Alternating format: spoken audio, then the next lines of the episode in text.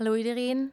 Ehm, voordat we deze aflevering beginnen, willen we toch nog graag een kleine disclaimer doen. Uh, allee, een disclaimer, gewoon nog een voorwoordje. Ehm, we hebben dus een keileuke gast die jullie straks gaan leren kennen. En wij praten over haar ervaringen als vroedvrouw in uh, Afrika, specifiek in Gambië. En zij gaat dus vertellen over haar ervaringen daar en zo. Uh, maar wij vinden dat wel belangrijk om toch een keer um, ook te vermelden dat wij drie blanke westerse vrouwen zijn die um, toch wel op heel vlakken um, ge, privileges hebben en zo. Dus dat we echt... Uh, het gesprek gaat echt vooral over hoe dat Demi het ervaren heeft en zo. waarmee dat we willen zeggen dat we niet uh, kenners zijn over hoe vrouwen in Afrika moeten of zouden moeten bevallen of hoe dat het daar effectief uh, aan toe gaat, maar dat vooral de focus ligt op de ervaring van Demi zelf. Tracy, ik weet niet of je nog iets wilt aan toevoegen of zo. No, I think that that's a good uh, ding om jullie way, mee te geven. Oh, good way to say that. That we're not talking about birth in Africa. Mm -hmm. that's a whole continent. It would be like talking about birth in Europe. Yeah. And we all know that that is different depending, not just from country to country, but from hospital to hospital to mm -hmm. midwife to midwife. So. En dat er ook wel ervaringen zijn die blanke westerse meisjes um, hebben die uit een stuk privilege komen. Wat dat ook Natuurlijk. normaal is, want ja. dat is hoe dat het hier gaat. Uh, ja. Maar daar genoeg over. Dus uh, bij deze veel plezier met de aflevering.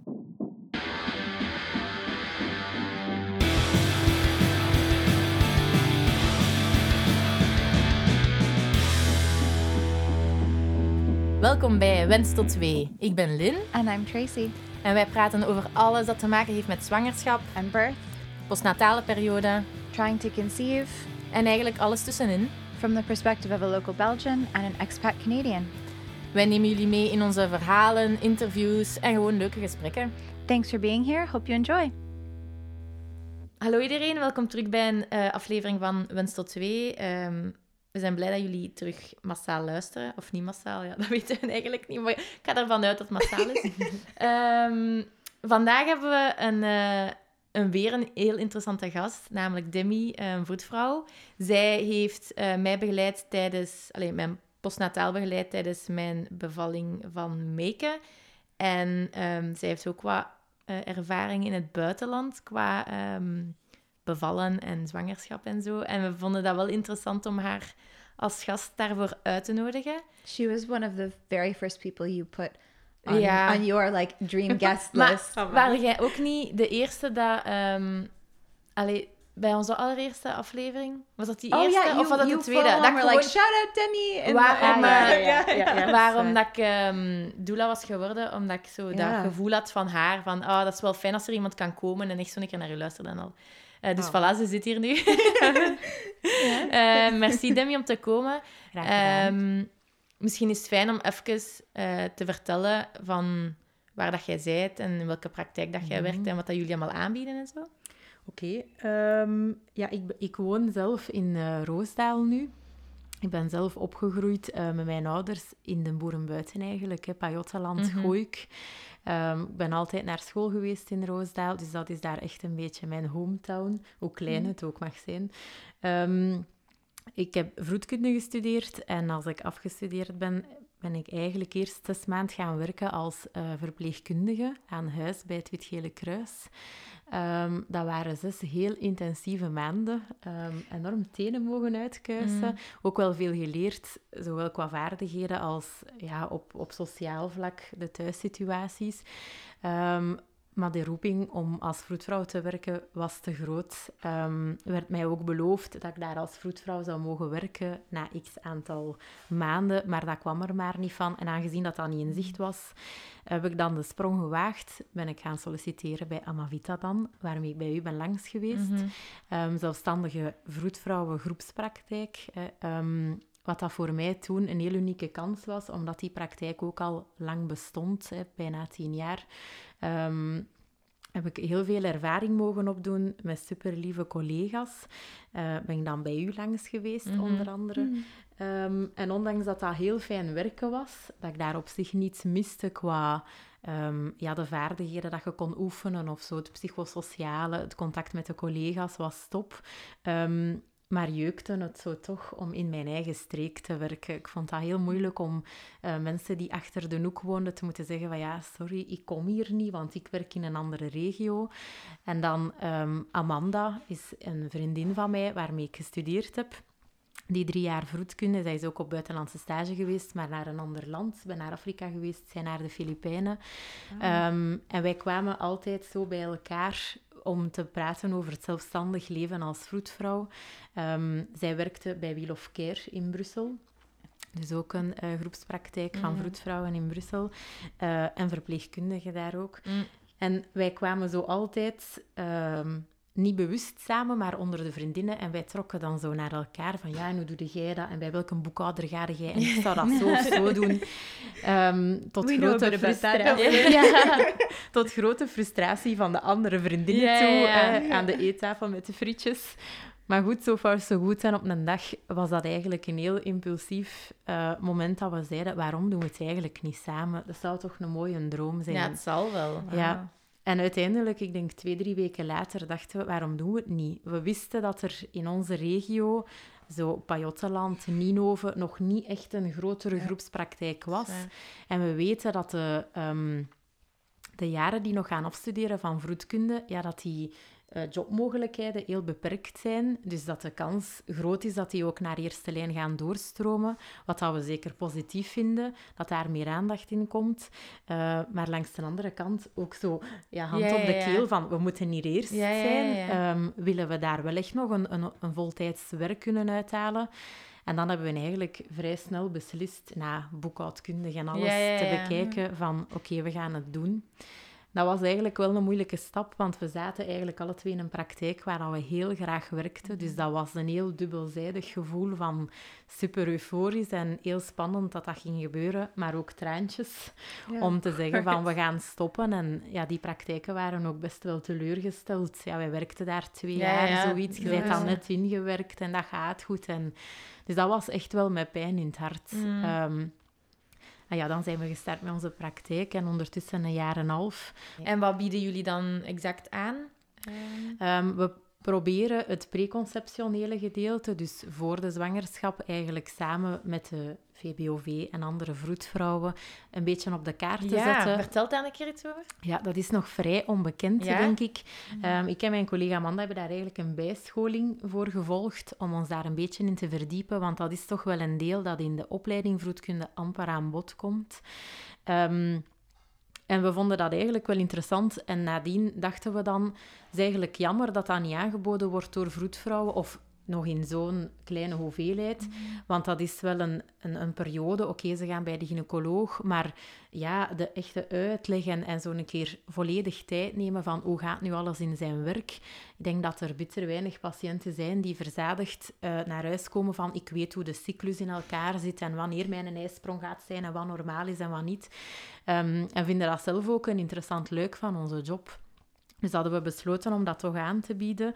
Um, en daar komt stelselmatig reactie op. Maar ge, nog heel aftastend. Mensen bellen ook met de vraag, wat is dat eigenlijk? Ja, ja, ja. Ondanks dat dat op de website uitgelegd staat, is dat nog iets vreemd blijkbaar. En daar proberen we wel als jong team een beetje mee aan te werken, dat dat bekend wordt.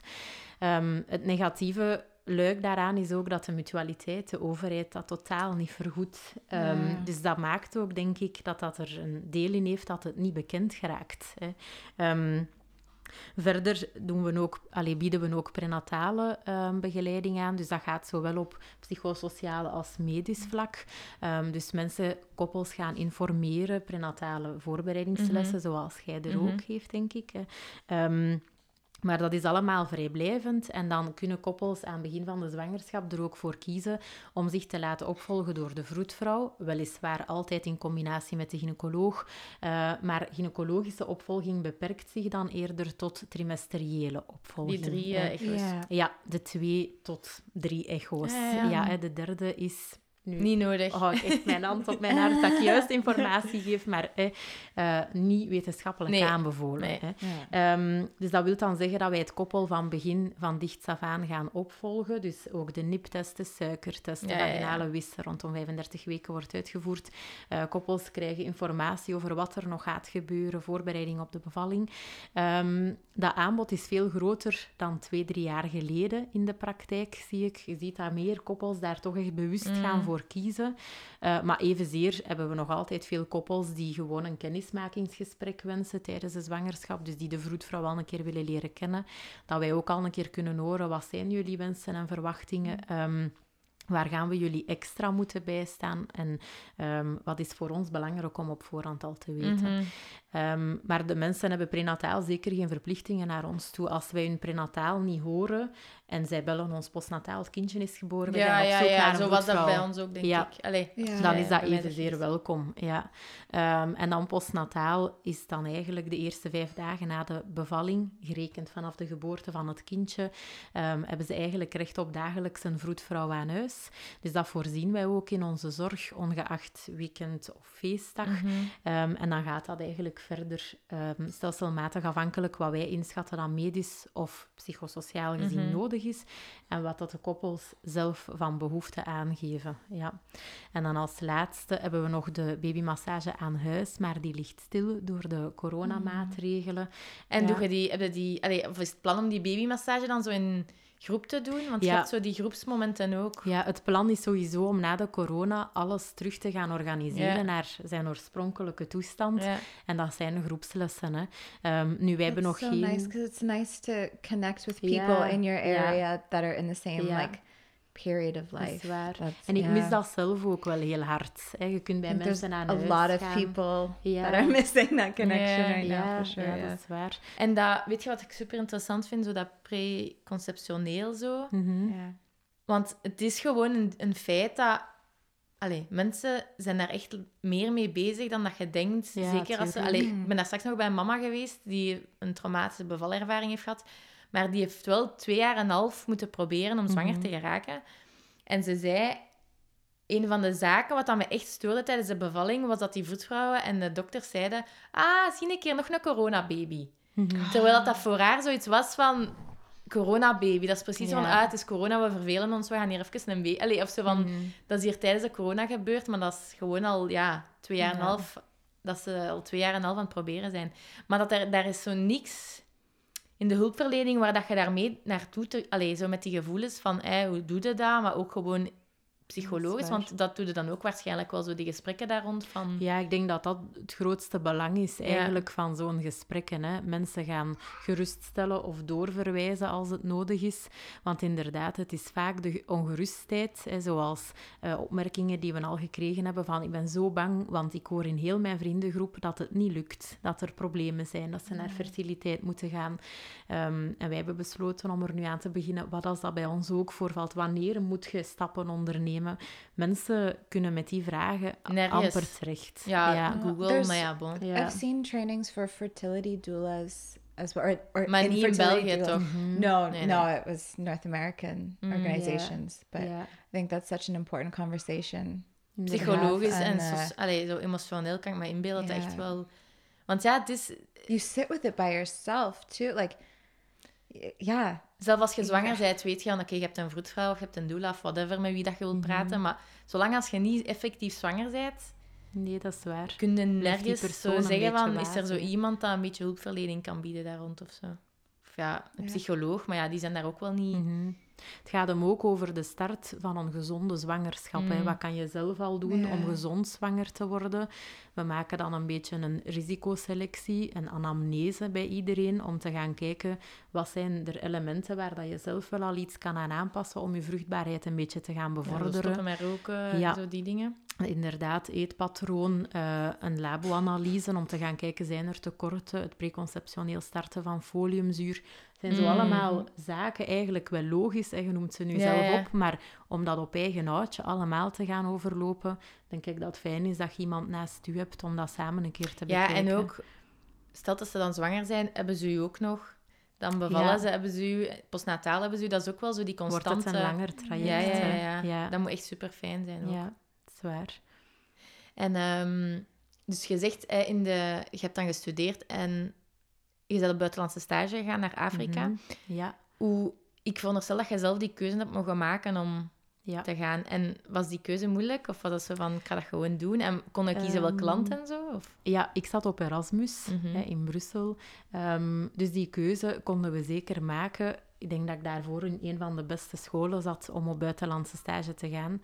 Nu, ik moet wel zeggen, ik had die kriebels al voordat ik ging gaan studeren, omdat een, een van mijn beste vriendinnen, haar zus, studeerde in Erasmus ook, vroedkunde. En ik heb het daar allemaal zien voordoen. Ja. Hè. Zij ging naar Afrika, zij ging naar Gambia. En ik zag de voorbereiding en de stress er rond en Mm. hoe groot dat, dat was. Ehm, de voorbereidingen in de zin van ja, snoep verkopen, eh, kleedjes inzamelen. Ja, dat begon dan bij mij al helemaal te prikkelen. Ehm, ik heb haar verhaal vandaar ook van heel dichtbij kunnen volgen. Maar maak niet de dag dat ik zelf de beslissing moest maken, dat het even toch terug rewind was van... Wil ik dit nu eigenlijk wel echt? Hè? Want nu moet ik wel drie maanden naar daar. Ja. Ehm, maar uiteindelijk ja, heb ik daar toch niet te veel niet meer bij nagedacht. En was dat echt volmondig ja. Ik ben ook gaan studeren met een van mijn beste vriendinnen, die direct mee was in dat verhaal, die dat ook heel graag wou doen.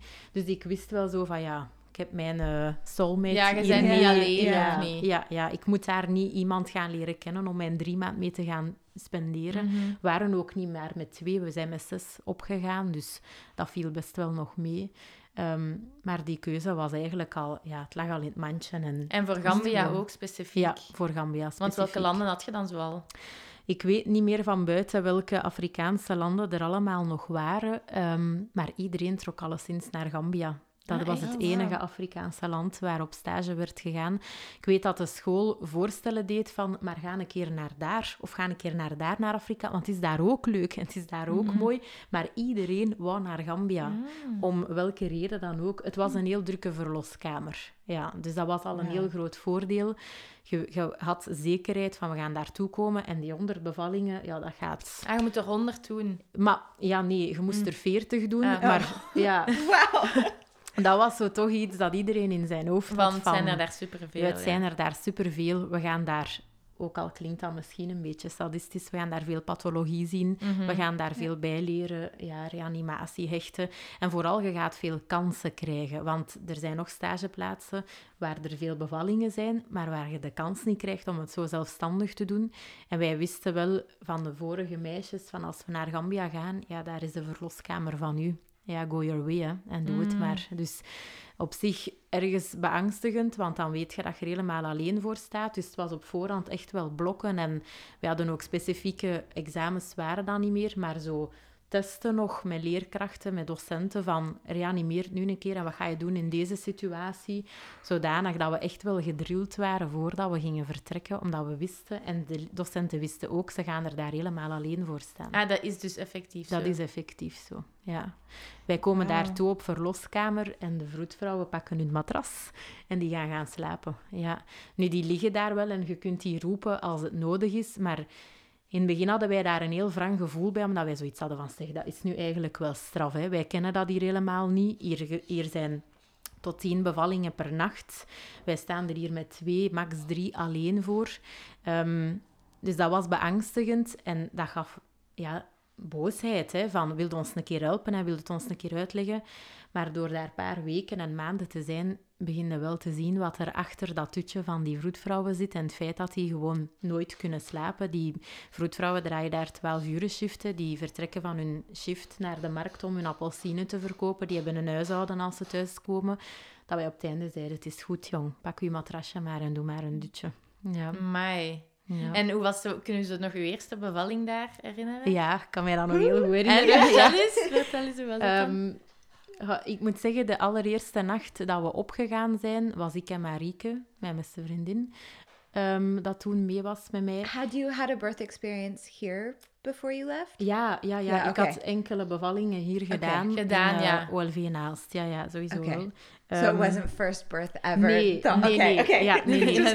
Ze- ik, ging, ik wist ja. dat ik niet van Dat was- mijn zus ging Dat draaien was of derde zo, jaar maar- student dan. Ja, sowieso altijd in Oké. je derde En je jaar. doet al vanaf je eerste jaar stage, allee, kijkstage wel, maar... Ja, tweede jaar begin je Ah. echt zo zelfstandig Ah, ja. bevallingen mee te doen. Ah, okay. Sorry. Maar- yeah. Mm. Don't Ja, know jij how that weet works dat here. Ja, That- okay. ik wist wel Sorry. wat ik ging zien. Allee, Ja. ja. nee, qua bevalling dan. ehm, of hoe dat het in elkaar zit, dat wist ik ondertussen wel al. Maar de allereerste nacht dat we opgegaan zijn, ik en Marieke, zijn we moeten terugkeren, want ik kon het emotioneel even niet meer verdragen.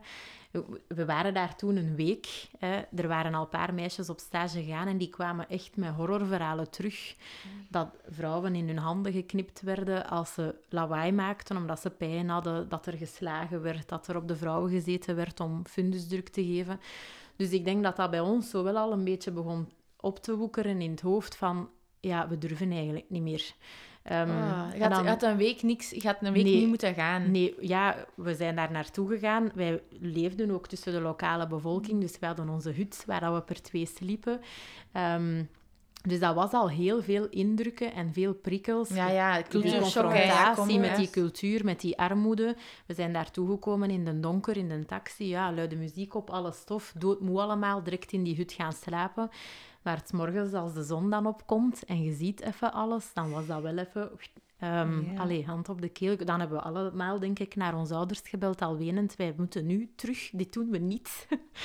ja, dan was dat tranen met uiten, om dan na tien minuten piep, piep, eh, internet verbroken. Dat was, op dat moment was dat voor mij persoonlijk bikkelhard. Ja. Dat zal wel. Ja.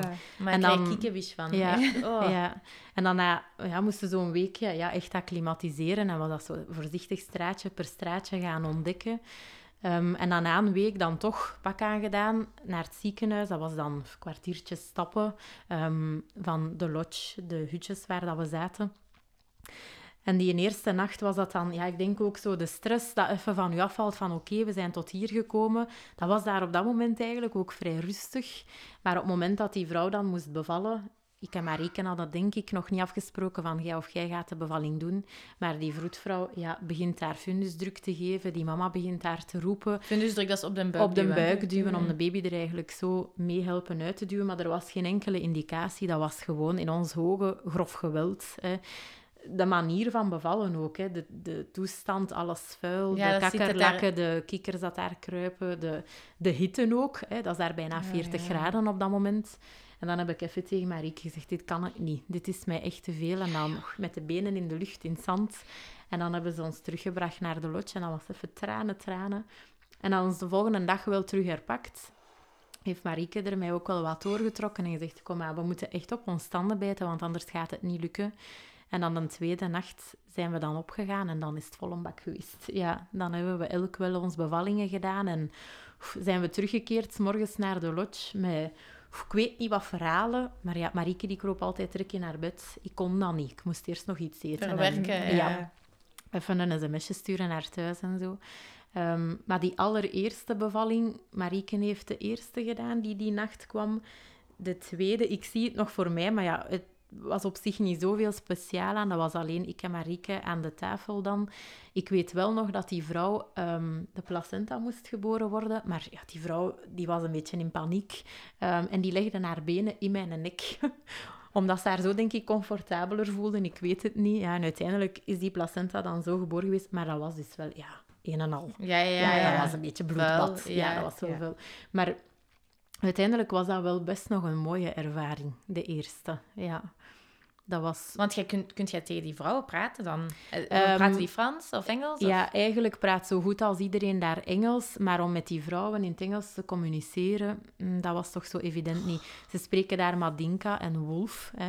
Nu, wij hebben daar zo wel een beetje de bekendste slagzinnen geleerd, hè, van eh, het is een jongen, het is een meisje. eh, dat wisten we wel te zeggen na een tijdje, maar de communicatie, ja, nee, dat was vooral verbaal. En, en ja, apus, apus, ja, dat ze moesten zeggen duwen. ah, ja. Ja, dat, dat leerden we wel al rap van te horen. Van... Maar die konden niet zo zeggen van... Ja, ik heb pijn, logisch. Maar of zo van dit of dit of Ja. zo. Ja, nee, dat, Nee, dat is niet gelijk... Nee. Maar dat, was, dat is ook geen verloskamer, helaas, waar de ruimte is om je wensen te gaan Nee, uiten, ah, wel, eh, Ja. dat doet mij denken aan... We waren eens in een doula-meeting en er was een doula in training. En zij is Afrikaans. En eh, we waren bezig over obstetrisch geweld. Hè? Ah, ja. Mhm. En ehm, het, was, het was eigenlijk een, een eh, workshop van Samen voor Respectvolle Geboorte. Dat is Mhm. zo'n organisatie. hè, Zo wat, ehm, de, nadruk, coming soon. ja, de nadruk leggen op Mhm. dat er met respect moet omgegaan worden. ehm, ook al als je aan het bevallen bent. En dat was een quote. En de doulas moesten zeggen: Ik ben akkoord of ik ben niet akkoord. En de quote was: Een doula is er gewoon om je hand vast te houden terwijl je verkracht wordt Hm. om te zeggen, een doula ja. moet niet ehm, tussen, allee, moet niet ervoor het tegenhouden dat je verkracht wordt. En met verkracht bedoel- bedoelen ze dat er medische zaken gebeuren zonder, je Zonder toestemming. I'm sweating just from hearing you say that. I, I, the same reaction that I had when it like popped up on the en, screen. It's so not the case. En iedereen was zo van, ja, nee, hè, je mocht... Allee, ehm, een doula is er niet alleen om je handje vast te houden en te kijken hoe dat je verkracht Mhm. wordt. Maar er was dus die Afrikaanse, ehm, Afrikaans meisje en die zei...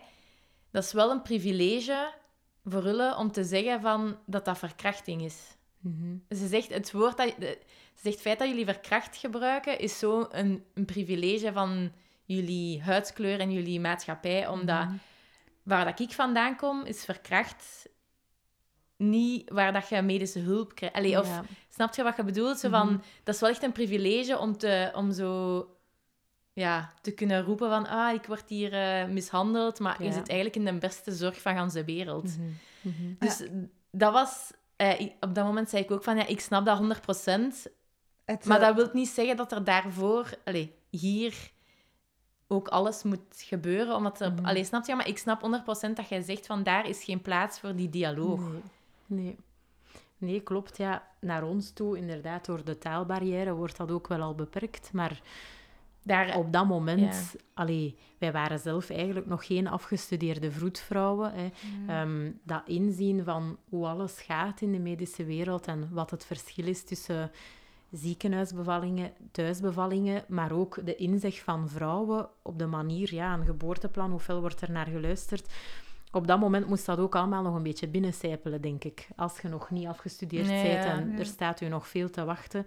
Ehm, maar daar was dat voor ons op dat moment, als je daar helemaal alleen voor staat, eerlijk gezegd ook niet de prioriteit. nee, tuurlijk hè. niet. Ja. Tuurlijk Ja. niet. En dat is... Dat is, allee, ik kan me dat 100% inbeelden, dat dat leven of dood is daar. Hè. Dat is Mhm. gewoon van, oké, daar kunnen zeggen, wil je een gezond kind of wil je geen gezond kind? Maar het ding is, hier, als ze dat hier zeggen, van ja, wil je een, dood, wil je een levend kind of wil je een... Allee, Mhm. in deze setting, met deze medische ondersteuning, Mhm. is er wel ruimte voor dialoog, ja, of zo, zou ik tuurlijk, denken. ja. Uh, it also boils down to the basic human rights of people. Just because you're growing a human those basic human rights to mm. say no to whatever is happening to you doesn't go away. I, I, like it is a, a an entirely different mm-hmm. situation Ja, daar, but daar is you dat... still ja. have the basic human rights mm-hmm. that you have everywhere in the world.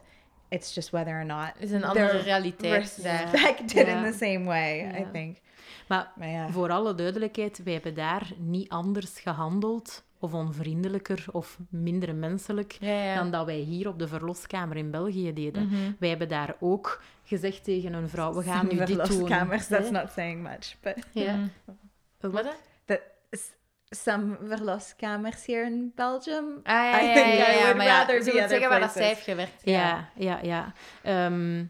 Maar wij hebben daar ook altijd gevraagd aan de vrouwen, gaat het? En we hebben, haar, allee, we hebben de vrouwen proberen ondersteunen, zeker Mhm. bij doodgeboortes. Of wij waren in de vroedvrouwen daar hun ogen de gekken die daar de vrouwen stonden te masseren. Ja, ja, en die met de vrouwen te ja, aan het meewandelen waren. En van, kom aan, en je kunt het. En ook al was dat dan in het Engels, maar zo die empowerment, dat ze wel voelen dat dat er is. En dat wij met twee die bevalling stonden te doen. En één iemand het professionele luik en de andere naast haar hoofd. En Mhm. haar proberen masseren en haar ondersteunen. Ehm, dat probeert je wel, maar je komt soms in situaties dat je dat facet moet loslaten hè, in die wereld. We hebben een bevalling gehad en ik weet zeker als Marieke naar de podcast luistert, dat ze gaat weten waarover het gaat. En de vroedvrouw was ervan overtuigd dat de baby dood was, al van in de buik. Hè. Maar Marieke had harttonen gevonden op de zwangere buik van Heb de je daar mama. dopplers of niet? We hadden dopplers mee. Ah, maar zelf. die hebben, dat, die hebben dat anders. Nee, ze hebben dat anders niet. En als dat daar is, verdwijnt dat na Ah, twee ja. weken, want ze verkopen dat door om geld te verdienen. Ehm, maar ze hebben daar wel een pinaar, Ah, ja, wat dat we ook eh. gebruikten. Hè. Ehm, nu, Marieke had de That's hartonen like a long wooden stick that Ja. you hold against the Ja, belly for people who precies don't een know what that is. Ja, precies een beetje een houten trompet, maar waar dat je de hartslag wel heel mooi mee hoort. Hè. Yeah. Um, Christoph listened to that at our one of our midwife appointments. She's Yeah. like, "Do you want to listen?" And he was like, "I don't really know what to do with this, but sure." Yeah. like, "Oh, I hear something." So yeah. Ja, maar het is That's niet cool. moeilijk, hè. het is inderdaad, je hoort, moet een beetje kunnen positioneren, maar daar, los daarvan kan iedereen dat eigenlijk. Ehm, maar de hartoontjes waren gevonden bij de zwangere buik nog. Mama doet daar een arbeid, mama bevalt eh, bij ons. En ehm, mama, haar kindje, heeft een schouderdystocie. Dus het babytje zit vast met de schouder achter het schaambeen van de mama. Nu, wij hebben goed geleerd op voorhand wat we daaraan moeten doen. En eh, Afrika, of in de verloskamer waar dat wij toen stonden, hadden wij wel alle vrijheid daar om te zeggen: Oké, mama gaat nu op haar handen en haar knieën, wat dat hier in België dan weer veel minder gedaan wordt en waar dat we sneller zouden gaan medicaliseren. Hè. Ehm, of een knip zetten bijvoorbeeld. Was dat daar, kom, we gaan positie veranderen. En 9 op de 10 werkte dat dan ook. En dat was de enige ingreep die nodig was dan dikwijls voor die schouderdyssocie. Niet altijd, hè, Nee. voor alle duidelijkheid. Ehm, nu, er kwam zich een vroedvrouw die wakker was op dat moment moeien met onze bevalling en is heel hard aan het hoofdje van de baby beginnen trekken. maar ik denk dat je me dat verteld hebt. Ja, ehm, waardoor dat de baby vermoedelijk ja, schade heeft opgelopen aan de zenuwen die in de nek lopen. Ehm baby kwam eigenlijk, ja, leek, ja, hartje leek inderdaad niet meer te kloppen na de geboorte. Terwijl dat wij goed gehoord hadden en gezien ook tijdens de bevalling en de geboorte van het hoofdje. Maar ja, de baby is levend en het is wel waar. Marieke heeft goede harttonen gehoord. Ehm, we doen de bevalling verder. Ik denk dat ik daar met man en macht, en ik denk zo dat we met drie waren, aan de vroedvrouw heb staan trekken van blijf eraf, laat ons doen. Echt? Om de andere toch haar werk te kunnen laten doen, want we wisten hoe ja, fa- allee, Fataal, dat kan fataal dat het kon ja. aflopen. Maar ja, er was zo gesleurd aan dat kind, ehm, dat Marieke dan met een baby naar de reanimatietafel gelopen is en zelfs daar de vroedvrouw de ballon uit ons handen zit te Omdat trekken. hij zo een punt wou maken van, Van, het was ik heb gezegd dat de baby dood was, dus de baby gaat dood zijn. Ja. Nu, we hebben daar met man en macht aan staan trekken en we hebben de baby er ook doorgekregen. Ah. Nu, Maar ja, wat voor Ja. schade heeft dat kind? ja, dat weet, dat, dat weet je natuurlijk nooit op voorhand. Hè. Ook, ja. En dan kunnen... Oh my god. Ja. En zo met die vroedvrouwen dan nog samenwerken daarna en zo. Gaat dat dan? ja, nee, dat was op het einde helemaal niet meer makkelijk. Hè. Ze werden sowieso gemeen, omdat in het begin laten ze u eigenlijk helemaal aan uw lot over, waardoor dat je uw manier van werken aanneemt in die verloskamer. Maar tegen het einde van de stage verwachten zij dan wel dat als er dan een keer komen bijstaan, dat je wel gaat werken Zoals dat zij het willen. ja, volledig tegen wat dat u aangeleerd is, volledig tegen wat dat je weet van, om, om zoveel mogelijk schade en, en ja, problemen te, te beperken. Dat gaat niet. Dat kun je zomaar niet aanvaarden. Ja. Dus dat was niet makkelijk op het einde, nee. nee. Want Ellen, hè, ehm, een collega van Demi, dat ook in Ga- Gambia was het Mhm. ook, hè, eh, heeft zo mij verteld dat, dat ze daar ook gewoon die baby's worden geboren en ze leggen die dan gewoon zo in een, in een bed, maar zo totaal niet... Allee, ze houden die dan niet vast Mhm. of zo. Dat is echt zo gewoon bam. Dat ze, en zo ehm, premature babytjes ook, dat ze die totaal niet echt nee. verzorgen of zo. En dat ze zei van, ik heb met twee baby's in een draagzak op mij nog bevallingen zitten doen, omdat je die baby's toch iets of wat van warmte wilt Ja. geven. Ik heb daar nog een mooie foto van in een album van Gambia, dat ik en Marieke ook aan het skinnen zijn, met kindjes die, ja, die zijn niet van nu, hè, maar toch, dat waren ook twee prematuurtjes. Dat was een tweeling. We hebben een keer twee tweelingen gehad in één nacht. En de ene liep met een tweeling en de andere liep met een tweeling, maar... Dat zijn dan weer wel zaken waarvan dat je denkt of dat er nu geld is of niet, of dat er armoede is of niet. Dat zijn zaken waar dat ze in zouden kunnen investeren, want ja, dat is gewoon de baby huid op huid bij de mama is dat, dan, leggen, is dat dan de manier waarop dat ze naar kijken? Of hoe komt dat dan dat dat zo verschillend is met Ik heb dat altijd heel moeilijk gevonden om volledig te begrijpen wat er in die mensen hun hoofd omgaat. De verstandhouding tussen vroedvrouw en eh, ja, de, de de mama. mama's? Eh, de regels die er heersen, deels gelinkt aan cultuur, van er mogen geen mannen op verloskamer zijn. Maar andere dingen die je ook de puzzel niet kunt leggen. Ehm, een vroedvrouw die staat te zingen tijdens een doodgeboorte, maar happy staat te zingen. Ehm, ja, is dat dan toch cultuurgelinkt of niet? Ik ken ook heel Nee. dat verhaal daarachter niet. Dus dat was heel moeilijk en dat was in het begin het zwaarste van allemaal. Hè. Dat er zoveel gebeurt die voor ons totaal... Allee, dingen Nee, die voor ja. ons niet oké zijn, die voor u heel radicaal lijken. En die mensen die vliegen daar dan over alsof het niets is. Dus ja, dat was niet gemakkelijk, maar... Ik weet dat Lisa... Ik heb Lisa, het meisje dat mij voor had gedaan... hè, Mhm. Ehm, heb ik op een dag een keer een bericht gestuurd van dit hou ik wel geen drie maand vol. Nee, Hier ben ik Ja. mentaal niet sterk genoeg voor. En Lisa heeft mij toen één bericht gestuurd en dat is mij de andere twee maanden bijgebleven en heeft er mij ook echt doorgetrokken dat zij zei, Demi, houd altijd in je achterhoofd, die mensen weten niet beter. Jij zijt constant in vergelijking met de verloskamer of de bevallingen van in België, maar daar is dat, ja, dat dagelijkse kost en die mensen kunnen niet vergelijken. Het enige dat ze weten is dat jij rijk bent. ja, en dat is ook effectief. Hè. Niemand passeert zonder uw ketting te vragen of uw bandje aan uw been of mooie schoenen geeft aan mij. Dat probeerden we ook, om de verstandsverhouding een beetje ja, in orde te houden. Hè. We hebben ons valiezen daarachter gegeven. Papa was daar nog heel boos om, dat zijn valies niet meer mee terug naar België kwam. Eh, compressen en medisch materiaal, dat wij het niet meer gingen meesleuren naar België, dat ze daar veel Ah ja, harder tuurlijk, nodig hadden. ja. Ehm, maar dan nog was het soms moeilijk om, om er een... Ik heb nooit het gevoel gehad dat ik daar volledig mijn draai gevonden heb. Nee, dat Nee. zal wel. Kan ook niet op drie maanden. En ook als je dan zo terug thuis komt daarna, hoe, Mhm. hoe neigt, draag je dat dan mee? Of hoe neig moet je daar dan van? Ehm, goh, ik draag dat nog altijd mee en ik denk dat dat ook altijd zo gaat zijn. Mm. Maar niet in de zin dat het verdriet is. We zijn Nee. ondertussen ook al een keer teruggekeerd. Hè. We zijn ehm, twee jaar geleden zijn we twee weken terug geweest. Dus met ja, een deel van de meisjes waar dat we oorspronkelijk mee stage gedaan hebben. Ehm, en dat was een heel emotioneel moment. Maar vooral het terugkeren naar de lodge. Terug de hut zien waar dat je drie maanden geleefd hebt. Waar dat je heel veel tranen gelaten hebt. Maar ook superveel vreugde. En, en ik ben pas beginnen appreciëren wat er daar zo mooi was. Een keer dat ik terug was. En de keer dat je ook zo niet moest Ja. presteren of zo Ja. waarschijnlijk. Hè? Ja, want je zit daar op dat moment ook met veel stress. Hè. Het is je stage, Ja. je moet erdoor zijn. Die vroedvrouwen daar, waar dat heel moeilijk mee is om een band te creëren, die moeten nu gaan beoordelen op het einde van de rit. Terwijl die zien niet, die kunnen zelf ook niet reflecteren, want ze hebben niet dezelfde educatie als dat Mhm. jij gehad hebt.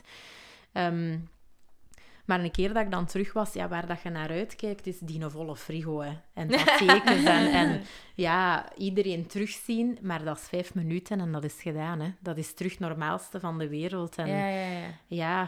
Dat, dat viel dan wel zo rap in van... Potverdikke, na een maand wou ik zo wel alweer teruggaan.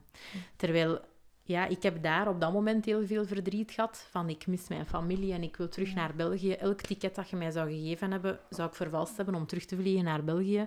Maar ik heb daar veel verwerkt. Terwijl Marieke bijvoorbeeld, die heeft daar amper een traan gelaten. Maar bij haar is dat gekomen een keer als ze terug was. ja. Dus ik denk dat iedereen dat op een andere manier verwerkt. Maar nu blijft dat zo wel een permanent gemis. Nu zouden we elke keer willen En wat mist daar dan aan? Kunnen dat, kunnen dat zo... Ik denk dat dat vooral het ontsnappen aan de maatschappij is. Ja, zo Aan de, westerse maatschappij. de ja. westerse maatschappij dat hier heerst, zo de enorme druk, sociale media, de, het snelle leven, de continue stress, die prestatiedruk, was, wat dat er zoveel van u verwacht wordt, dat heb je daar niet. Hè. Dat valt daar volledig weg. Hè. Wat dat daar een ergernis was, hè, want iedereen kwam daar een uur te laat en het was niets, hè, terwijl dat wij daar heel boos om waren. Hè. Maar ja, wij wisten ook, als we een taxi willen om twee, dan moeten we hem vragen om twaalf en half. Dan zijn we zeker dat we op tijd gaan zijn. Dus daar was dat een enorme frustratie. En nu denk je, oh ja, mannetjes, Ja, nog ja, even, ja, ja. dat zou deugd doen. We zijn terug geweest twee jaar geleden en we keken enorm uit om terug naar de verloskamer te gaan, om bevallingen te doen. Maar dat was een hele dubbele, want je bent op dat moment geen student meer, dus je bent daar echt in naam van jezelf. Er is geen verzekering die dat gaat dekken. Hè. We hebben daarvoor naar verzekeraars gebeld van, wij gaan daar bevallingen doen. Ja, ga jij voor het Rode Kruis? Je als vrijwilliger? Of ja, nee, gewoon als onszelf. Ja, dat is een no-go. Dus we wisten wel al, van, als we hier nu iets voor hebben, of je hebt eh, ja, een, een, een contaminatie met iets HIV-positief of ja, je bent nog altijd bevallingen aan het doen, ja, dan heb je geen poot om op te staan. Hè. Dus dat was al dubbel. En dan bleek ook dat er wel veel gebeurd was in de verloskamer in tussentijd. Dat er een paar kindjes gestorven waren, kindjes ontvoerd en zo. Dus het was daar een heel dubbel verhaal. En we zijn daar dan ook wel afgebleven. We hadden wel terug kleedjes ingezameld, die zijn we gaan afgeven. Superleuk terugzien met de vroedvrouwen. Maar ja, die equipe was ook al veranderd. Die Mhm. verloskamer was veranderd. Dus je krijgt die memories toch nooit meer terug zoals dat je dat daar gehad Nee, hebt. ja, dat, dat Nee. moment zelf is gepasseerd. De eerste keer dat we terug de lodge inreden, met die moskee dan heel uit op de achtergrond. Ah, is dat... Ah, dat wist Wij ik niet. sliepen aan de moskee. Ah, ja. oké. Ik dacht dat een christelijk... Allee, ik ging uit het... ja, het is de twee, een Ah, de beetje, twee, denk ik. Maar ja, je hebt daar wel om de zoveel straten een moskee. Mm. En dat is dag in, dag uit. Dat begint om vier uur s'nachts. Ja, Allee, oh my. Uh-huh.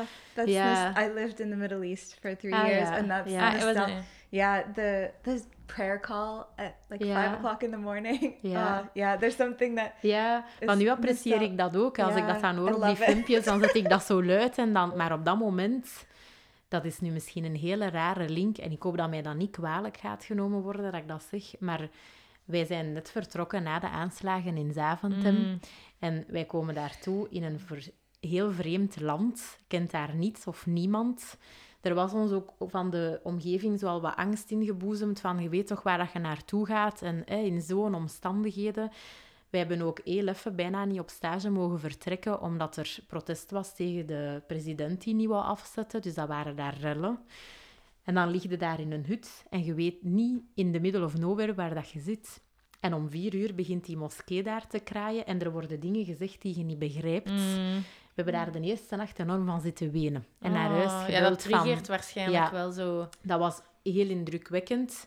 Maar ja, de tweede nacht was dat al... Marie, heb jij je oordoppen hier? Want ja, Ja, dan was dat ja, daar ja. al mee lachen. En Dat is gelijk dat bij ons de kerk zo... ja, je kent dat niet. Ja. Dat is vreemd en dat was heel indrukwekkend. En op dat moment... Ja, je, zit bent al met zo verprikkeld. En ja, dat was beangstigend. Maar ja, je waart daarop gewoon. Hè. We, we hebben daar ook over gevraagd, open, naar de bevolking daar. Hè, want je ziet ze dan in één keer allemaal uit het niets beginnen bidden. Dat wij ook zeiden, wat zijn hier eigenlijk de beleefdheidsregels, om het zo te zeggen? Zijn er hier dingen die wij doen die we eigenlijk niet mogen doen? Hè? Wij gingen dan naar de markt met onze... In het begin altijd mooi met onze lange kleedjes, want blote knieën mocht niet. Maar op het einde, het zweet tussen u... Allee, niet van ons gezicht, dat we dachten, voert, nu gaan we in onze korte kleedjes. Dat hebben we maar twee keer gedaan. Dan Ja, hebben we terug al lange kleedjes aan. Ook uit respect, maar je werd constant befloten en ja, dat was niet tof. Nee. Mm. Als we naar het toeristisch gedeelte gingen, deden we dat wel. Hè. Dan maakte dat niet veel uit. Maar zo die lokale markt, dan voelde je je toch een pak minder veilig. Ja. Ja, Maar we konden daar vrij open over praten met de bevolking daar. Ik weet dat om den duur, dat is puur uit interesse, maar dan kan ik heel diepe vragen stellen. Ja, maar dat is, ik denk dat ook dat dat interessant zou Ja. zijn om zo... En, en- Maar dat, ik weet nog dat Nina tegen mij zei... Allee, Demi, straks hebben we niet ruzie. Maar dat was heel, heel vriendelijk Oprecht, en ja. oprecht bedoeld. Maar je zag dan toch bij sommige vragen het getij keren en dan hebben we het afge, Mm. afgerond. Maar dat is heel moeilijk om... Dat kan ook niet op drie maanden een cultuur die je niet kent. Allee, je kent de mentaliteit niet. Voor ons leken die ook constant boos. Die keken heel streng en die roepen ook constant op elkaar. Een beetje zo gelijk Italianen en Spaans, zo Mm. Ja, ja, fel. En wij dachten, oh nee, het is daar weer ambras. Maar uiteindelijk bleek dat dan normaal te zijn. Maar dat duurt weken tegen dat je dat herkent. Hè. Dus tegen dat je daar vertrekt, begint het een beetje te snappen. Ja, en dan moet je terug En dan moet je vertrekken. terug vertrekken. Ja. Had je daar langer kunnen blijven dan? Nee. Of, nee. Nee, ik had het helemaal gehad na een maand en een half. Ja. We hadden toen, ik heb maar rieke vriendjes. Allee, Ja. we waren Hier we in België, een ja. relatie. En die zijn dan een week afgekomen. Oh. Dat was het moment waar we naar uitkeken. Maar achteraf gezien hadden we dat nooit mogen doen. Want een keer dat die vertrokken, ja, ik heb mij nog nooit zo depressief gevoeld. Ja, als je dan hun achterlaat en zij staan daar aan de luchthaven, goed pak fruit en een pint gaan drinken. En je wilt al een maand en een half eigenlijk naar huis. Omdat je, allee, pas op, hè, daar ook, je bent daar wel graag en je leert daar veel. Maar, maar daar is ook geen Dat is echt heimwee tot in Ja. de hoogste graad. hè. Ja, ja, ik weet dat we daar na twee, drie weken een keer 's morgens aan tafel zaten, al twee aan het zweten en weer geen elektriek en het water ging weer niet. En weer die struggle van wat gaan we vanavond weer eten, want we hadden 50 dozen Miracoli mee, maar om een duur steekt dat wel. Ah, je kunt Beetje echt niet tegen. eten. Maar ja, wel, je kunt daar koken, maar dat duurt drie uur. Ja, dat is daar op een vuurtje en we hebben daar een keer patatten proberen maken. Ja, dat is, dat is een ramp, dat gaat, maar dat duurt super lang. En wij gingen dan wel lokaal gaan eten, maar ja, elke dag dan geraakte je van het toilet niet meer. Maar Dus ja, dat zijn allemaal gewoon- dingen dat je ja, totaal niet over Onze nadenkt. Miracoli mee, maar om een duur zit dat zo tegen. Dan, moest, dan zeiden we om een duur, oké, we gaan een uur naar het toeristisch gedeelte rijden. We eten daar iets en we keren dan naar stage. Allee, ja, dat waren zo allemaal dingen... Een keer dat zij dan vertrokken, was dat echt een put waar dat veel, in ja. viel. En we hebben op een gegeven moment ook tegen elkaar gezegd, als dit een depressie is... Mijn god, dan, allee, dan ga ik het nooit niet meer onderschatten wat het is als mensen zeggen dat ze depressief zijn. Dat was echt, dat kun je niet beschrijven. Was dat dan de cultuurshock? Ik weet het niet. Ja. En eh, Dat had je was vriendin ook zoveel last daarvan? Marieke had dat minder, had ik de indruk toch. Hè. Ehm, ik had ook, op het moment dat ik vertrok, was ik helemaal verliefd. Ik had net een nieuwe relatie. Marieke, die was al twee, drie jaar samen. Dus dat was nog altijd heel spannend toen hij kwam. Maar ja, als hij vertrok, mijn hart in tien stukken. Ja, ja. Terwijl bij haar was dat oké. Zie je, in, vier weken. Ja. Dus zij zat in de taxi, oké, we gaan terug naar de hut. En ik tranen, tranen. Dus dat verschil van verwerken was ook... Wij zaten op een, op een verschillend niveau, wat dat oké is. Hè. Maar op dat moment heel, heel moeilijk. Ja.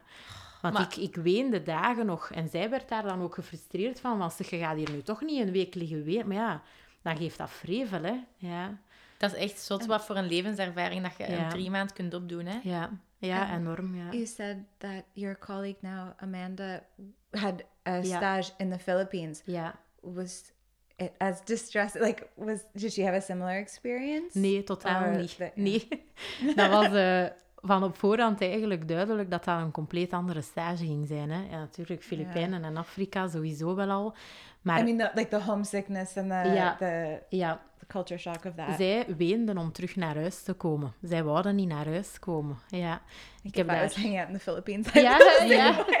Ja, dat was het verschil ook. Hè. Wij hadden niets om Geen ons af comfort te leiden. en ook geen comfort. Nee, en, je, had- je werd volledig uit je comfort gehaald.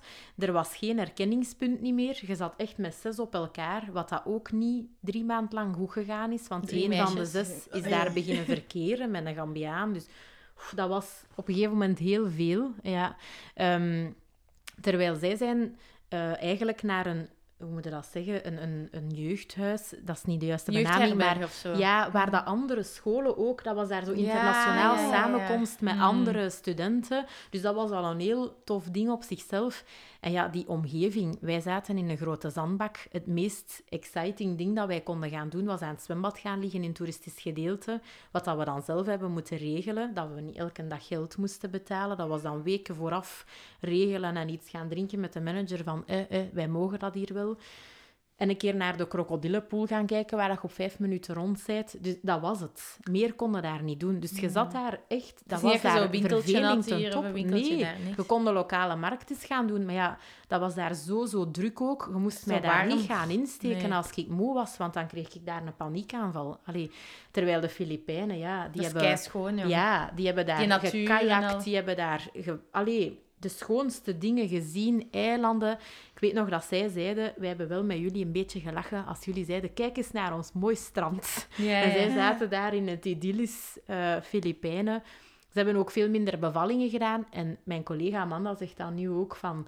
Ik heb misschien een hele mooie reis gehad, maar je hebt verloskundig wel veel meer kansen gehad. Yeah, hebben- trade-off of that Voilà. is Ja, En zou je, als je nu terug zou kunnen gaan in de tijd, zou je dan iets anders kiezen dan Nee. Gambia? nee. Ik zou... Toch zot, ja, na Ja, alles wat nee. je zegt, van hoe Nee. zwaar dat het ook was. Ja, maar nu... Ik weet aan mijn tante dat zij, als ik drie maanden terug was en ik zei, "Ach, ik zou zo graag teruggaan, aan mijn tante zei, jij vergeet zeker hoeveel verdriet dat jij daar gehad hebt. En dat is zwaar. Mensen vergeten hoe zwaar dat geweest is. Hè. Nu, nu weet ik precies alleen nog maar de mooie momenten. En de keren dat we daar gelachen hebben en de feestjes dat we daar gehad hebben. En ja, terwijl... Dat was daar ook wel op dagelijkse basis even verdriet verbijten. Hè. Elke keer Want waren er daar veel sterftes dan van babytjes? Ehm, goh, ik kan niet meer in, in aantal zeggen hoeveel dat we er gehad hebben, maar we hebben wel allemaal doodgeboortes gedaan. en is ja. dat in, Bel- in België is dat zo in totaal? Ja. Uh, ik, ik weet de cijfers niet van dat buiten. zal niet. Dat is gewoon medisch ook Ja. gewoon, hè, een tekortkoming Ja, daar. ze liegen er ook om. Hè. Daar, ben, daar zijn we zeker van. Er hangt een groot bord op, ehm, op de verloskamer, allee, daar de materniteit in Gambia, met ja, hoeveel breech-bevallingen stuiten, hoeveel Mm. doodgeboortes, hoeveel macerated geboortes. Dus eh, dat- kindjes die al gemacereerd zijn in de buik. Dus eigenlijk kindjes die al langer dood zijn Ah, in ja, de buik en die dan ja. geboren worden. Of fresh stillbirth, dan noemen Mhm. ze de andere kindjes dan. En de cijfers stonden erop van 2017, als wij teruggegaan zijn in 2019. Mhm. En voor een, een heel jaar stond er het aantal dat wij gehad hadden op, Op drie, drie maanden. maand, ja. Dus je weet dat ze daarover liegen om, ja, Ze dat imago angst, toch, ja. hè. Ja, ze willen geen angst zaaien. Dus ik weet het ook gewoon niet. Ik zou niet weten wat de echte cijfers En wat zijn dan zo die redenen voor die stilgeboortes? Daar een... dat is ook moeilijk, want ze worden prenataal niet opgevolgd. Hè. Ja, ze, ze komen daartoe op verloskamer en ja, het kan zijn dat je geen harttonen niet meer vindt, maar wat is de reden dan geweest? Ja, als er geen prenatale opvolging is, als het gebeurt tijdens de bevalling, als je eerst nog harttonen hebt en het gebeurt tijdens de bevalling, kun je al wat beter een link leggen misschien van oké, het is een zware schouderdyssocie geweest, er is allee, hypoxie geweest, het kindje heeft zuurstoftekort. Of... Maar ja, als die prenatale al toekomen, daar kun je geen reden in Want meer wist hebben. de scho- was de school dan bewust van hoe dat het daar effectief ging? Allee, waarschijnlijk wel, want ze zijn er u al voor gegaan. Ja, er is een, een docente ehm, die daar wel naartoe ging, maar het was al een paar jaar geleden dat ze het al een keer bezocht had. En ze hadden eigenlijk louter telefonisch contact nog gehad met een contactpersoon daar, van in de lodge, ehm, om een keer te horen van ja, de meisjes komen, zoveel hutjes moet je Ah, voorzien. ja, maar de rest... Ja, ja. Maar voor de rest, ja, was ze zelf ook een beetje verschoten dat het er toch op achteruit gegaan was. Want ja, die voetvrouwen, ze horen die voetvrouwen niet van op wat moeten... Allee, als je hier in België een stage zou doen, heb je wel zo'n keer stagebegeleider en zo hè, Ja. contactpersoon van het ziekenhuis van en Ja. hoe doe ze het? En allee, kunnen ze een keer overleggen van wat zijn de zaken dat ze zeker moet kunnen Ja. gedaan hebben, maar daar is dat Nee, totaal niet dat overleg. Nee, nee, nee. So, did you have experience with breech birth? Eh, goed, nu moet That's ik al something that fascinates me personally. Ja, ehm, ik heb het wel gezien voordat ik naar Afrika vertrok, eh, maar dat, dat ging dan echt over zien, hè. Handen Ja, af. ja, ja. En het is al een beetje uniek als je het hier in België ziet, dat ze het vaginaal toelaten. Ja, een Ehm, dokter dat dus het wil doen. Ja, dat was heel uniek. Als ik het gezien heb, gaat het max twee keer geweest zijn. Maar het was mij niet vreemd. Maar ik denk dat ik het misschien ook kan verwarren met... We hebben het zoveel gezien in de praktijkles. Van, je gaat het daar zien. Daar wordt geen sectio gedaan. Keizersneden in Gambia voor een breach. Dus ziet dat je Ah, het kunt. maar daar wordt Ja. wel Ja, ja. gedaan. Als er elektriciteit is. Ja. ja. Komen die kinderen daar dan uit? Als een uh, stuitbevalling Ja, is of zo. je. Ja. Ah, daar komen ze dan vagina... Alleen maar dan gebeuren er toch inderdaad wel... Ja, we hebben één keizersnede zelf gezien. Ehm, we hebben dan ook gezegd van oké, we hebben het nu eens gezien. We willen vooral ons bevallingen Mhm. doen. Maar dan, ja, daar is de gynaecoloog dan. Hè. Iemand dat we daar nog nooit gezien hadden, begint daar dan de meest oude technieken boven te halen. Van de baby eruit met de voetjes in de lucht, op de poep aan te slaan. Ja, allee. Dus we hadden zoiets van oké, we hebben het gezien. Het is alleen een keer tof geweest om het te zien, maar ja, qua steriliteit nul, Ja, nul. qua voorzieningen nul. Ehm, ja, de mama al zeker niet. Hè. Daar is al absoluut geen oog niet meer voor. En die, we hebben die ook dagen niet meer gezien nadien. Die was zo spoorloos verdwenen. En dan ineens lag die op materniteit. Ik weet niet wat dat er in de tussenperiode gebeurd is, maar ja, dat was een aparte zaal. Maar er moest elektriciteit zijn. Ja, als dat er niet was, was dat jammer. Maar je ja. hebt geen vaginale eh stuitbevalling Jawel. kunnen- zelf gedaan? Jawel, jawel. dus ook. jij kunt dat, Ja. in principe. ja, maar daar valt niets aan te kunnen. Hè.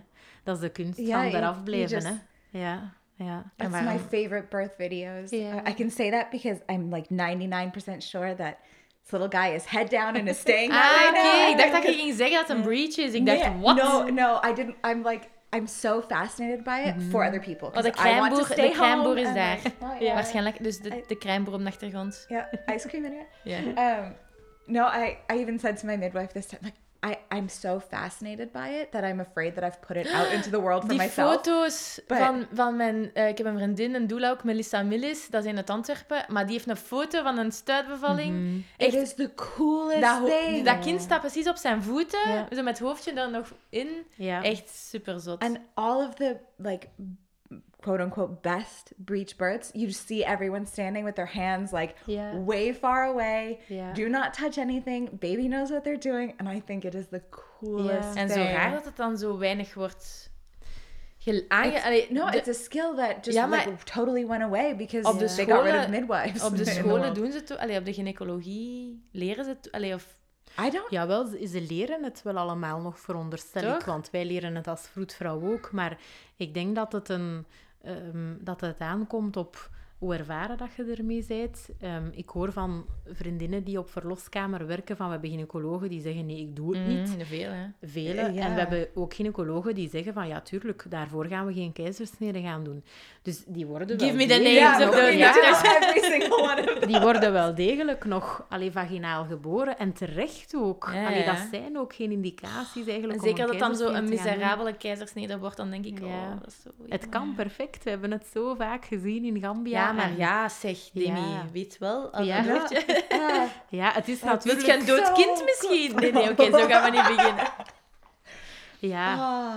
maar dat waren Dat heel mooie cool. bevallingen. Ja. Ik weet, dat, dat, was het mooiste meisje dat ik daar ter, allee, ter wereld gezet heb. hè. Ik heb daar tien foto's mee. Dat was zo'n schoon kindje. Dat, vandaar dat ik het mij ook nog herinner.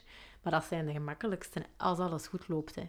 Ja. Want je moet het maar voor hebben dat ze hun armpje omhoog steekt. Allee, je moet wel zien dat het goed meegaat. Hè.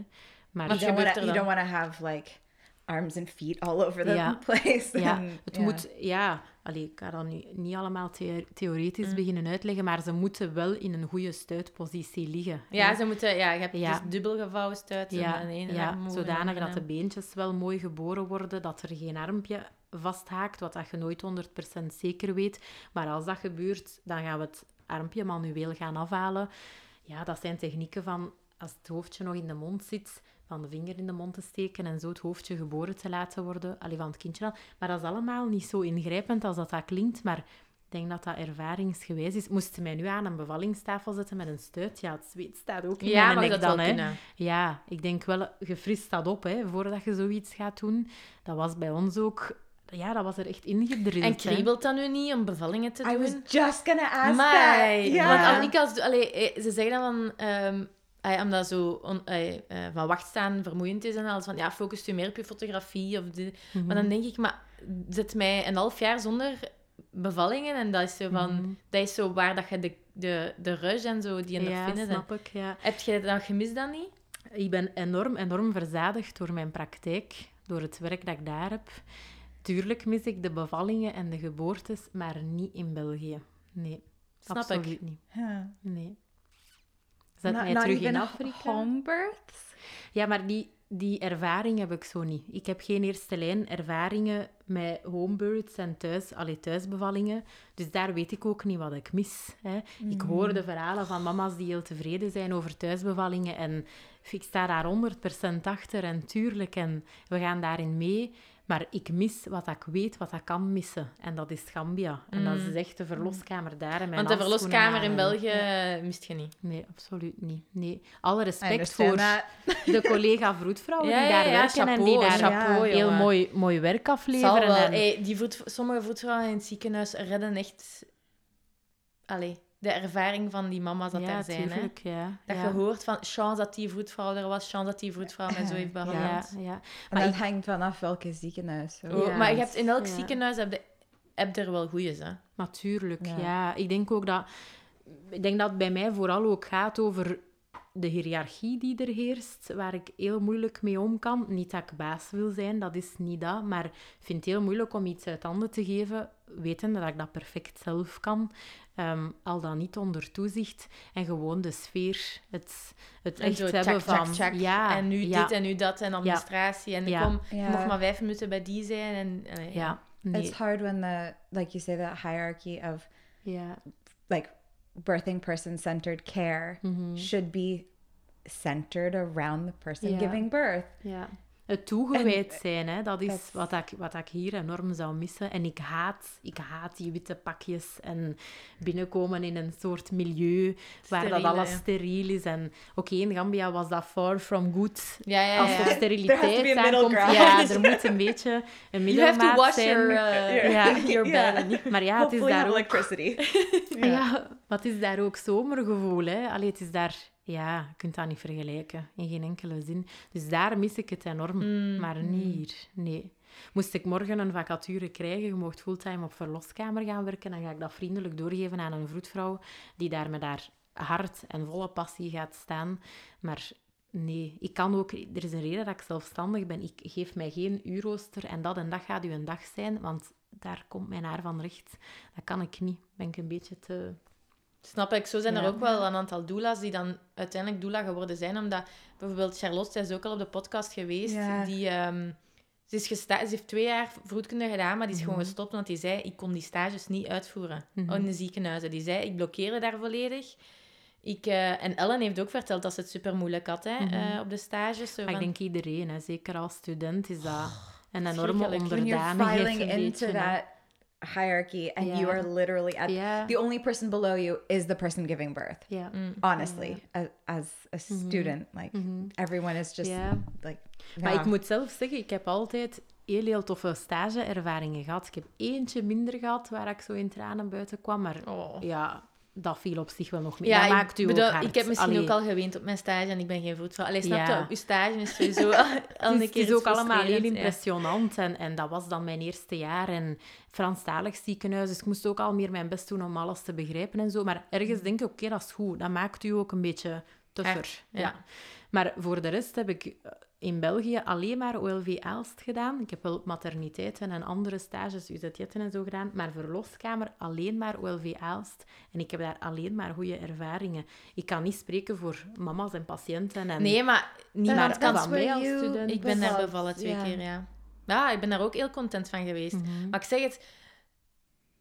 Maar ik ging al bijna weer namen noemen. In bepaalde ziekenhuizen hebben een slechte... Allee, of, of hoorden veel negatievere verhalen, maar daar gebeuren ook positieve verhalen.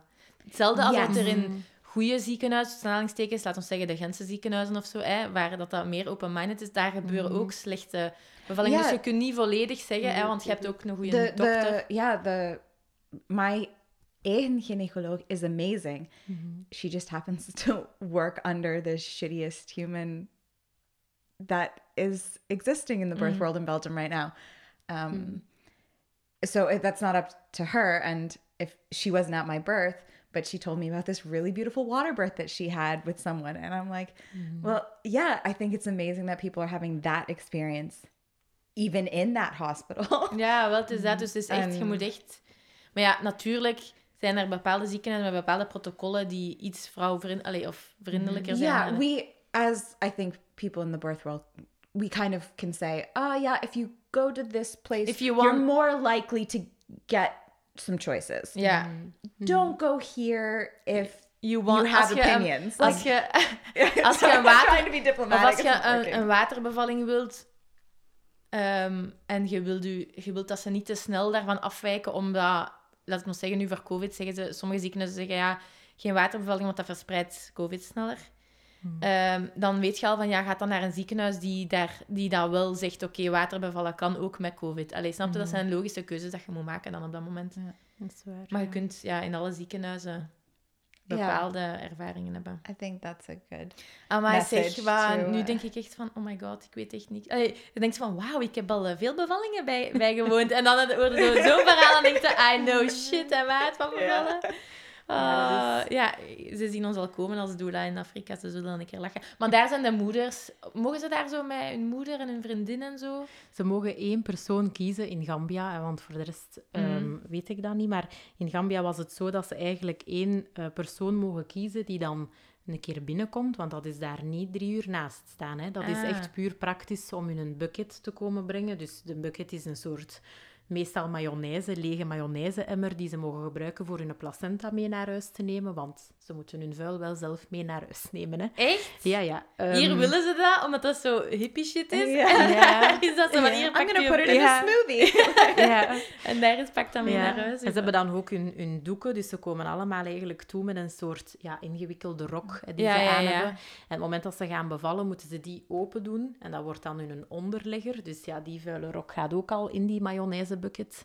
Ehm, En dan hebben ze meestal een nieuwe, maar dat zijn dan hun escortes, noemt dat dan. Hè. Die komen dan die nieuwe doek brengen en die komt de mama dan een beetje helpen. Maar dan moet hij weer weg van Dat is verloskamer. niet zo van hè, de doelas van echt vroeger, Nee. vroeger, zo van de mama's Nee. en de ik sta Nee. je bij en zo. Nee, een keer op materniteit mogen er wel meerdere mensen bij. Allee, Ja. Of waren er toch meerdere mensen om hun te ondersteunen. Die bleven daar dan zelf slapen. Ja, Ze liepen daar dan op de grond en allemaal door elkaar. amai. Maar daar op verloskamer zelf was die vrouw helemaal alleen. En soms raakte dat dan wel als er een keer een vrouw was die haar kwetsbaar opstelde. Want Oh. meestal zijn ze daar heel Ja, ja, ja, maar die worden, dat, is gewoon een harde heel realiteit. streng voor daar. zichzelf. Ehm, maar als je dan zo, ja, soms een jonger meisje had dat zo echt in paniek was, dat hebben we wel geha- gehad als we twee jaar terug gingen, dat we dan toch zo op verloskamer hier en daar een beetje aan het helpen waren. Ehm, ze was daar een mama, we hadden haar dan kleedjes gegeven voor de baby en ze was al blij, maar ze klamde haar echt vast en ik weet nog niet, dat stond aan de rug te masseren en waren zo aan het wiebelen en we zeiden op een gegeven moment, we moeten door jongens, want we zijn hier te lang. Maar ze wou niet. En Ja, had ja, ons echt, had echt oh, mijn hart brak in stukken, maar ja, dat zijn dan de uniekere ja, momenten toch, want niet iedereen stelt zich daar zo kwetsbaar Nee, op. nee, maar daar, Ja. dat is gewoon dat die worden grootgebracht ook. Hè, van, Ja, inderdaad. als je niet hard bent in Ja. die cultuur, dan... Nee, tegelijkertijd ook heel kleinzerig soms, hè, want ja, ze schreeuwen als je een infuus gaat steken, of maar... Ja, me voilà. ja, Sorry. ja, de varianten Ja, ja, ja. zijn er daar ook, hè, maar... Ik vond in het algemeen mijn indruk dat ze veel harder zijn dan hier. Ja. Moesten daar inderdaad afkomen met er gaat iemand naast u staan en die gaat u verzorgen. Ja, dat, Dat- dat kennen ze daar ik. niet. Nee, nee dat, ja, als je dat vergelijkt, zijn we hier bemoederd. En pas Mhm. op, hè, ik vind het top hè, hoe dat allemaal evolueert Mhm. en de ondersteuning van de moeders en de koppels en de begeleidingen. Sta daar volledig, volledig achter. Het zou maar raar zijn ook, moest het niet zo zijn. Maar daar vind ik het ook wel iets natuurlijk sterk hebben. I'm wondering if that is specific to the hospital experience there. Mhm. If like if community birth is happening outside of like Yeah. outs and what that looks like Ja, ja. from from a community perspective Mhm. because I mean it's a little bit similar here the the Ja, hospital tuurlijk. situation looks one way and that's that's one Ja. experience but then if you do have that community and Ja. that is the choice that you are able to make or Want heb je daar whatever van that die, looks like van die vroedvrouwen dat zo... Ja, zo, huis gaan? de vroedvrouw in het dorp die bij u thuis komt als je gewoon in het bed aan het bevallen Voor bent. zover ik weet heb ik dat daar nooit gehoord of gezien. Maar ja, ja. Maar die hebben zo'n vangnet familiaal. Allee, mensen zijn daar nooit alleen. Hè. Die omgeving gaat elkaar... zi- Allee, Postnataal zich ook, hè, ja, die Ja, dat- elkaar kinderen de borst. Ja. Ja, maar die verblijven ook maar 24 uur op materniteit, dan zijn die weg. Allee, dus je ziet van dat postnatale luik daar al helemaal niets. En nu denk ik, moest ik nu drie maanden naar daar kunnen gaan, maar ik ga ze zoeken. Hè. Ik zoek Mm. de papieren en ik wil zien wat er daar thuis gebeurt en hoe dat, dat verloopt en hoeveel postpartumbloedingen zijn er nog aan huis en hoe verlopen de borstvoedingen een keer als ze thuis zijn. Maar zo thuisbevallingen, tuurlijk gebeurt dat daar. Want we hebben ook veel taxibevallingen gehad. Mensen die nog net op de valreep aan het ziekenhuis toekomen, maar daar zijn ook niet zoveel ziekenhuizen, dus we moesten heel vaak van ver komen, waardoor dat er sowieso thuisbevallingen zijn of onderweg ergens. Mm. Maar dat zien wij natuurlijk. Ja. Dat ziet je niet als je daar zit. Hè. Ja. Jammer, hè, want dan zou je inderdaad een andere kant kunnen zien en ook psychosociaal misschien, en dat de mensen zich anders gaan opstellen, al dat ik het toch wel betwijfel. Maar ik vind het toch zot dat ze dan naar het ziekenhuis per se komen, terwijl het daar eigenlijk niet Mhm. wauw is qua voorzieningen of zo. Nee, maar ja, ik denk dat het toch op, op een of andere manier de, Een geruststelling is van, er is. medische ja, er is opgeleid. wel wat medische ondersteuning en hoe, hoe armzielig dat de apparatuur ook is, ze is er wel om... Mm. Allee, ja, Oké, super. Allee.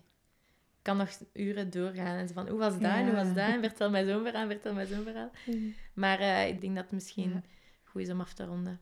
yeah i think we could talk for for Mhm. hours more um thank you so much for heel graag gedaan. coming and talking with us um ja, zo'n zotte verhalen. yeah Ik wist, wel, ik wist wel dat we ze hadden moeten uitnodigen. En als iemand Ja. een goede vroedvrouw zoekt in, wat is dat, regio Regio. Roosdaal, Liedekerken en zo doen jullie Ja. ook? Liedekerken, Nienhoven. Ninove. Pajottenland en ja. Gooik, Ja. die kanten. ja.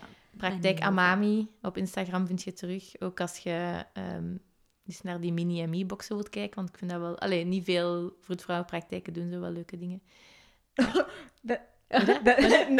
Many uh, practices do Leuke things. Is Mag ik dat niet zeggen? want to end on? Mag ik dat niet zeggen? Oké, Eh, super ja. Nee, nee, we dan uitknippen. Iets Eh, out of the box. Ja, Ja. maar in de box dan. In de box, ja. Yeah, Um, you can uh, find us at Venstotue on Facebook and Instagram. You can listen and subscribe on Apple Podcast, Spotify, Google Podcasts, and on podbean.com or at the links in any of our bios on social media. Mhm. Um, thank you for listening, and we will be back in two weeks. Salut, kus. Bye.